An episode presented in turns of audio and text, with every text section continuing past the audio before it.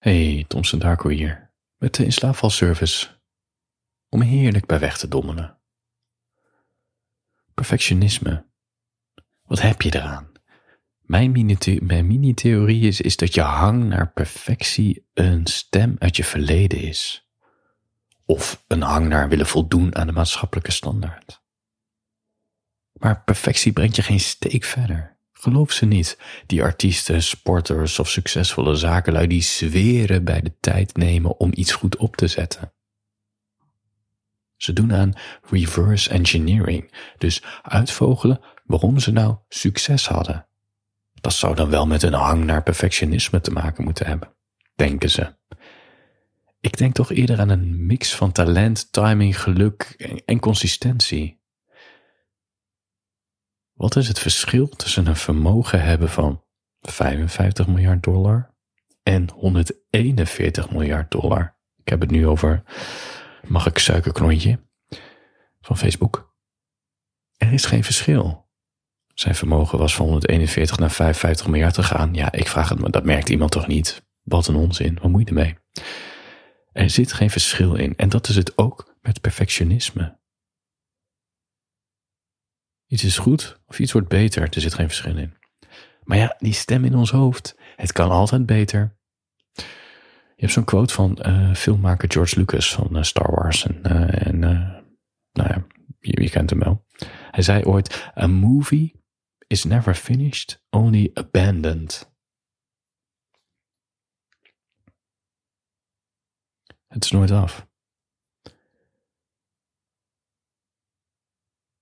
Ben een uh, biografie aan deze van tennisser Andre Agassi.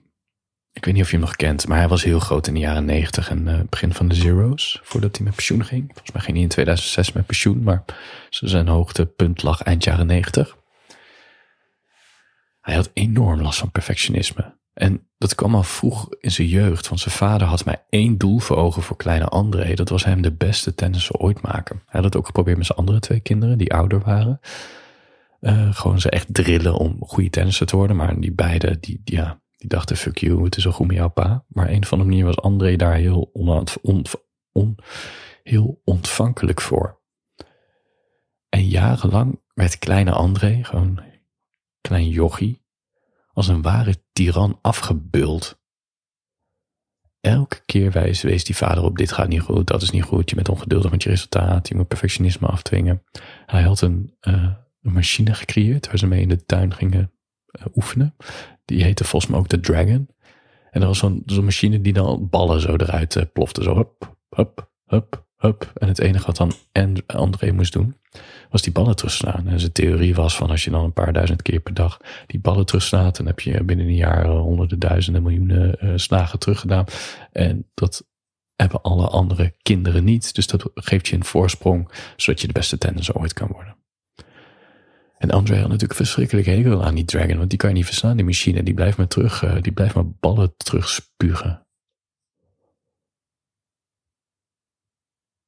Maar het ergste was nog uit die periode dat die stem van die vader, dat had hij volledig geïnternaliseerd. Het werd dus echt, toen hij volwassen werd, werd het, was, het, het werd dus de stem in zijn hoofd. Hij begon professioneel te tennissen. Eerst werd hij naar een tennisschool gestuurd. Hij was een enorme rebel, want hij wou er helemaal niet zijn. Dus hij probeerde daar de boel een beetje te saboteren. Maar ja, die gasten zagen wel zijn talent. En die waren ook bereid om uh, hem kansen te geven. Uiteindelijk kwam het tot een soort deal van oké, ik wil dan wel tennissen en uh, les van jullie krijgen, maar ik wil dan niks meer met, met school te maken te hebben. Kan je dat fixen? Tennisschool, nou dat was dan het deal. Dat hij wel les, tennisles kreeg van de beste, maar zijn schoolresultaten, dat, uh, daar hoefde hij geen, geen vinger meer naar uit te steken. En zo werd hij langzaamaan professioneel tennisser.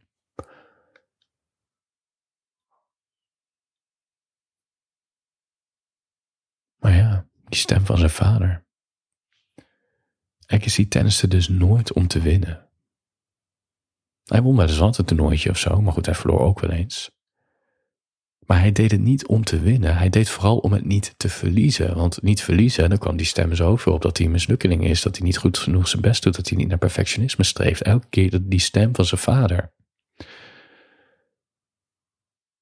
En ondanks zijn talent en potentie, want talent had hij sowieso. En er zat ook veel meer in, weet je, talent moet je ook goed uitnutten. Het lukte Agassi niet om de beste tennisser van de wereld te worden. Hij won wel eens een Grand Slam toernooi, maar hij verloor heel vaak toch vooral toernooien door zichzelf. Finales verloor die halve finales, kwartfinales. Hij vloog regelmatig in de eerste ronde al uit tegen allemaal van die niet-zeggende tenners. En allemaal uit, omdat die stem in zijn hoofd, maar weet je, dan verlies je een punt en nog een punt, dan verlies je een set en dan wordt die stem maar steeds strenger in je hoofd. En ja, daar ging hij dan weer. Teleurgesteld van de baan afstappen. Hij was ook in die tijd, het was ook, het was, hij was niet heel geliefd ook, Agassi, door de pers. Het was altijd een beetje talent, nou ja, die nooit wat van bakte. Geen bedoel niet een Grand Slam toernooi, maar hij bleef die rebel. Hij was ook gewoon dwars en gewoon heel ontevreden met zichzelf. Nou ja, de vraag is überhaupt wie ben je nog als je zo wordt gedrild door je vader en zo'n leven in wordt gepusht. En uh, dan ga je zelf ook maar half mee akkoord. En ja, dat is dan opeens je leven. Waar je niet wil verliezen. Hij besluit op een gegeven moment tennisser Brad Gilbert in te als coach te nemen. Dat was uh, ook een tennisser, Amerikaanse tennisser. Die zat aan het einde van zijn carrière een beetje. Dus die tenniste nog wel. En nou ja, Agassi die hoopte nog dat zijn beste jaren zouden komen. En Gilbert zei, nou ja, mijn tennisbaan, de carrière is toch voorbij, maar ik, ik kan je wel coachen. In ieder geval, dat was het idee, maar goed. Er kwam een soort van gesprek, want het was nog niet in kan en kruiken. En tijdens die eerste ontmoeting vertelt die Brad zonder blikken of blozen wat precies het probleem van Agassi is. Perfectionisme. En ik ga nu Brad een beetje vrij vertalen, want het boek is in het Engels. Ik heb het, ik heb het niet letterlijk vertaald, maar het is een beetje de speech die hij gaf. Hij zegt zo tegen die Agassi van, je probeert elke slag perfect uit te voeren. En dat lukt je nooit, waardoor je gefrustreerd raakt en te veel over na gaat denken. Maar het enige wat je moet doen is consistent en stabiel zijn. Dan kan je 90% van de punten pakken. Stop daarom met focussen op jezelf en je eigen spel. Concentreer je op de tegenstander. Vind zijn zwakke plekken en maak er gebruik van. Je hoeft niet de beste van de wereld te zijn als je elke keer die tennisbaan oploopt. Je moet alleen maar iets beter zijn dan de tegenstander. Je hoeft niet eens te slagen. Laat je tegenstander falen. Je slaat gewoon elke keer de bal terug. Meer niet. Je hebt maar 21 sets nodig om een Grand Slam te winnen. Je focus je elke keer op één set per keer te winnen. En dan kom je vanzelf in de finale. Goed, nu ga ik hem even quote in het Engels. Hij zegt: When you chase perfection, when you make perfection the ultimate goal, do you know what you're doing?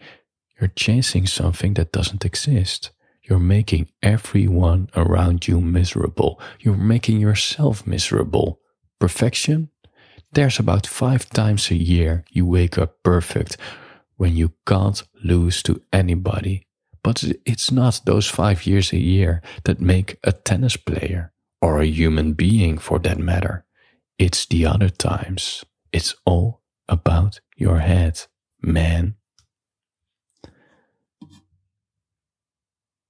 Agassi probeert gewoon elke slag die hij maakt perfect uit te voeren. En dat lukt dus nooit, waardoor hij dus gefrustreerd raakt. En dan neemt die stem zijn hele hoofd over en dan verliest hij dus die partijen. En waar Brad en Agassi aan gaan werken is te stoppen met die perfecte ballen terugslaan. Maar gewoon slimmer zijn. Gewoon simpel en easy die bal terugmappen.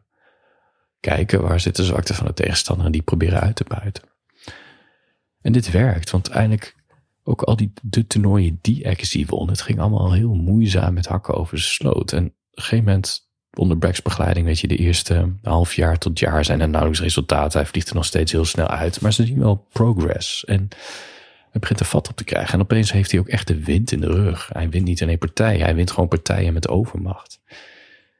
En met z'n tweeën, of in ieder geval onder Brack's begeleiding tussen 94 en 2002, dat is uh, acht jaar of zoiets, wint Andre Agassi zes Grand Slam titels. Hij is sowieso een van de weinige, de eerste die alle, alle, uh, alle, al die grote toernooien heeft gewonnen. Dus wat is het? Australië, Frankrijk, Engeland en Amerika. Hij komt op de nummer 1 positie terecht. Heeft trouwens ook nog een gouden medaille op de Olympische Spelen geworden. Het is, hij doet iets unieks. En dat lukt hem omdat hij zijn perfectionisme loslaat. Ik zou bijna tegen jezelf willen zeggen, bespaar jezelf de volgende keer de moeite als perfectionisme in je dwars zit. Goed genoeg is gewoon vaak goed genoeg.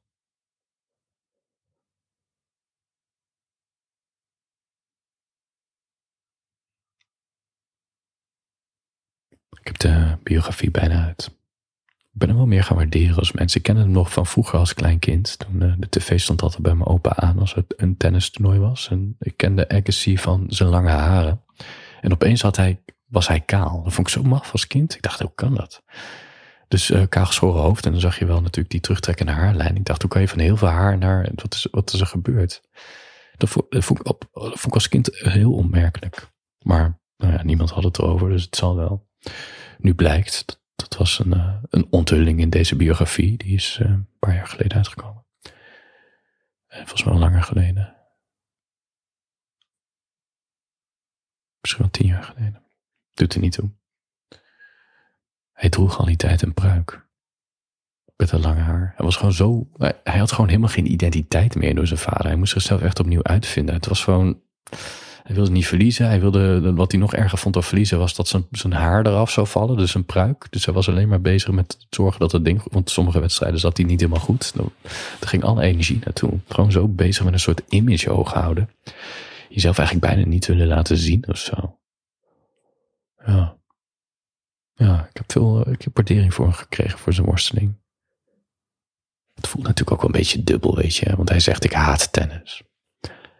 Dat, dat is de opening van een boek. Ja, maar ja, waarom ga je zo lang mee door als je het haat? Waarom heb je zoveel succes? Maar goed, ik snap die dubbelheid, want dit, dit is het grijze wat me zo fascineert en waarom ik zo melancholisch ben ingesteld, waarom mijn leven bitter zoet kan zijn. Een lach met een traan. Dat is dus dat je iets haat en tegelijkertijd je heel erg je beste voor wil doen en enorm met jezelf worstelt en niet weet hoe je het allemaal tot een goed einde kan brengen, dat het ook goed genoeg voelt voor jezelf. En het inzicht van Brad was dus perfectionisme loslaten. En een ander punt dat ook in het boek terugkomt is er zijn voor een ander. Dus het gaat niet om winnen, maar mensen helpen.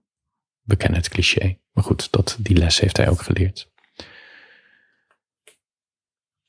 Goed, voor je gaat slapen. Ik dacht misschien nog een verhaaltje voorlezen. Het heet Als je Tinder tegenvalt. Ze vertelde me dat ze in de zomer het meest hield van de geur van net gemaaid gras. De lucht van natuur, van het leven, van dat alles goed komt. Ik zei haar dat gas, gras praat, dat die geur een noodkreet is, een noodkreet van dat de dood eraan komt, zodat andere gasprietjes hun zaden en wortels kunnen beschermen.